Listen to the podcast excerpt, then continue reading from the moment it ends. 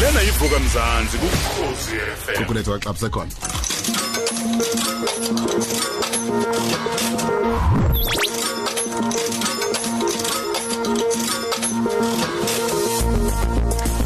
8 kona umsakazo ukhozi ivuka mzansi breakfast show. Uyazi ke makulo sibili ngalesikhathi amandla omnotho. Lapho soke sinayike unonkosi sinayike sibheke eziphathelene nezomnotho. Shwabada sikubingelele sikwamukele. Uvukele ngabingelela kakhulu umthiya ubig kid uhlengiwe nabalali bokhoze baba. Inyanga yabantu besifazane sibheke izinto ezahlukahlukene ezibathintayo. Ngesonto edlule besikhuluma eh, ngokuhle sikubonayo abantu besifazane bekhula emkhakheni yahlukahlukene emabhizinisi. Kunjalo ngcebo bese sibuka ngeviki edlule ubumqoka bokuthi abantu besifazane njoba kuyinyanga yabo lebegujwa egujwayo futhi bebungazwa sebehambe indima engakanani eh kakhulukazi ekuzibandakanyeni nezomnotho. Nanokuthi iziphi ingqinamba abaye bahamba babhekane nazo. Nanokuthi ke obekubaleke kakhulu ukuthi sibheke futhi nokuthi iziphi izinto abangasizakala kuzona. Kakhulukazi uma kuziwa la kwezamabhizinisi ku-entrepreneurship besibuka igatshana ke ezithile zeyingxenye zeinkampani ezakhiwe ukuze zikwazi ukubasiza. Abalali bokhozi eh, bangaya nje futhi kuyi www.ukhozifm eh website kune podcast ehlala ikhona njalo masiqeda ukukhuluma. Nonkosi kukhona into engengayibona eh ku social media kodwa ngangayilandela ngenxa ukuthi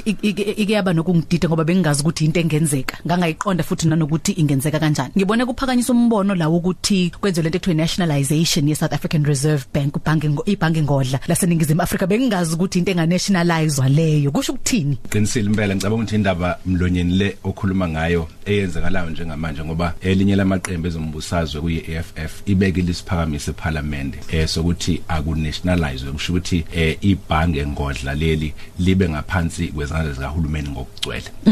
Asiqale la mhlambe siphendule umbuzo othi isizathu salokho senziwa yini? Noma asithi kuqala yini ibhange ngodla ibhange ngodla ibhange lisuke libhekelele ukwabiwa kwemali nemali nje nokuvikeleka kwayo ezweni. Ukuthi njoba imali ikhona kufanele ikwazi ukuvikeleka eh, futhi kufanele ikwazi ukusebenza ngendlela ezithile libheke futhi nama interest rate okusho ukuthi imali lezi eh, uma uzoboleka ebhange ukuthi ukhokha inzalo engakanani. So umlando webhange ngodla lakithi uthi njengawo wonke amabhange amaningi umubuka eminyakeni engaphezulu kwekhulu edlule uqala kwawo beqala ehambisana nokuthi anobunini obuthile futhi obungoba abantu nje uthola ukuthi private citizen umuntu unama share awa ownayo mm -hmm. amaningi amabhange emhlabeni amabhange ngodla emhlabeni agcine se eseyilumula kulokho mm -hmm. ekuthenini angabe saba nobunini be private individuals mm -hmm. lokhu ngesizathu sokuthi eh ukuba nobunini bomuntu oyisakhamuzi nje kungayena uhulumeni ophethe lonke ibhange ngengodla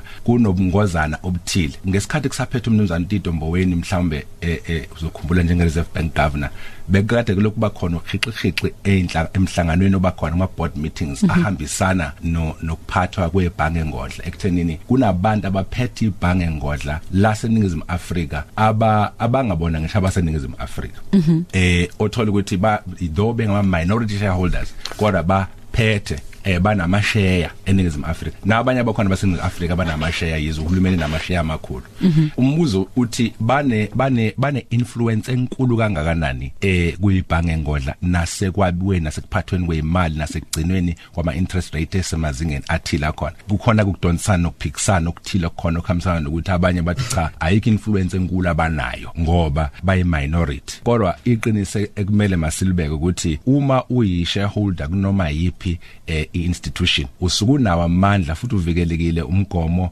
eh weze inkampani eNingizimu Afrika ukuthi ube nelaka ilaka lakho lizwakale futhi ukwazi ukuthi uma ukhuluma kungabi nje ukuthi ngoba unamashare amancane awuzukuba nezwi elitheni. Kunomnumzana la engiyengithanda ukwenza isibonelo ngayo kuthiwa umnumzana Theo Botha. Ubizwa ngokuthiwa i shareholder activism. Ngisho kuthiwa unamashare amabili enkampanini yakwa MTN unamandla mangalisayo ukwazi ukuthi eh ashintshe izinto ngaphakathi ngenxa yokuthi usuke efundile ukuthi kupho kwenzeka kahle nokungenzeki kahle. So ngabe mazi impikiswano yepolitiki yezomnotho uma kuza kuyibhange ngodla laseNingizimu Afrika nanokuthi kumele libe nobunini bezwe kuphela noma ubunini bezwe kuxube abantu bangaphandle ngoba laba bantu esikhuluma ngabe kakhulukazi akubona ngishabala abantu base Germany kakhulukazi eh, abaphethe ibhange ngodla lethu. Kuyishwa ke lokho ukuthi ibhange ngodla lethu liphethwe nabantu abathile bangaphandle abangama shareholder ngaphakathi. Ingakho kukhona ke lokho ukuthi eh inhlangano ebusayo ushayele vele umgomo ukuthi alibuyele kuhulumeni ibhaka engodla yasi EFF ibeka ke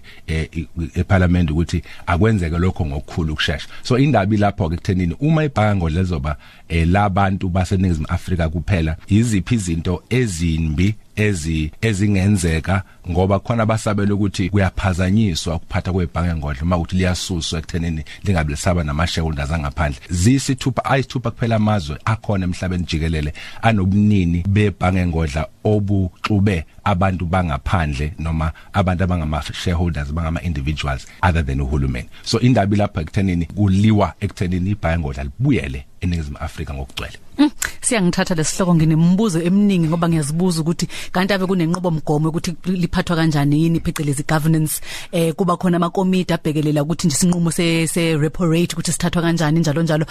Noma benalo izwi labo bantu abama shareholders lihamba lihambe ligcine ngiyafisa senze uchunge chunge lweinhlelo eh nonkosi ngoba impela ibalekile lento ngoba siyakhala sibona sengathi umnotho wethu uyantenga ntenga ngeindlela eziningi lokho kuzoba namthelela muni? Ngiyafisa ngempela sikwenze lokho kodwa ke eh ngiyethemba ukuthi uzokwazi ukuthi sikubheke lokho ngokuqhubeka kwasisikhathi eh sesiphetha siyazi ukuthi nama empowerment seminars? Ama empowerment seminars akhona noNcebo angiqala la ngisho ukuthi eh ngizobala okune nje kafushane ukuqala eh i wildlife economics kese khona kakhulu ngalolu hlelo ngeindaba zomnotho weze wildlife kukhona okuthile sikuphekayo okukhulu kakhulu okulapha emcakweni ebabanango abalali bokhoza abazozwa ngakho kakhulu eh ngoba sikhuluma nge wildlife economy la.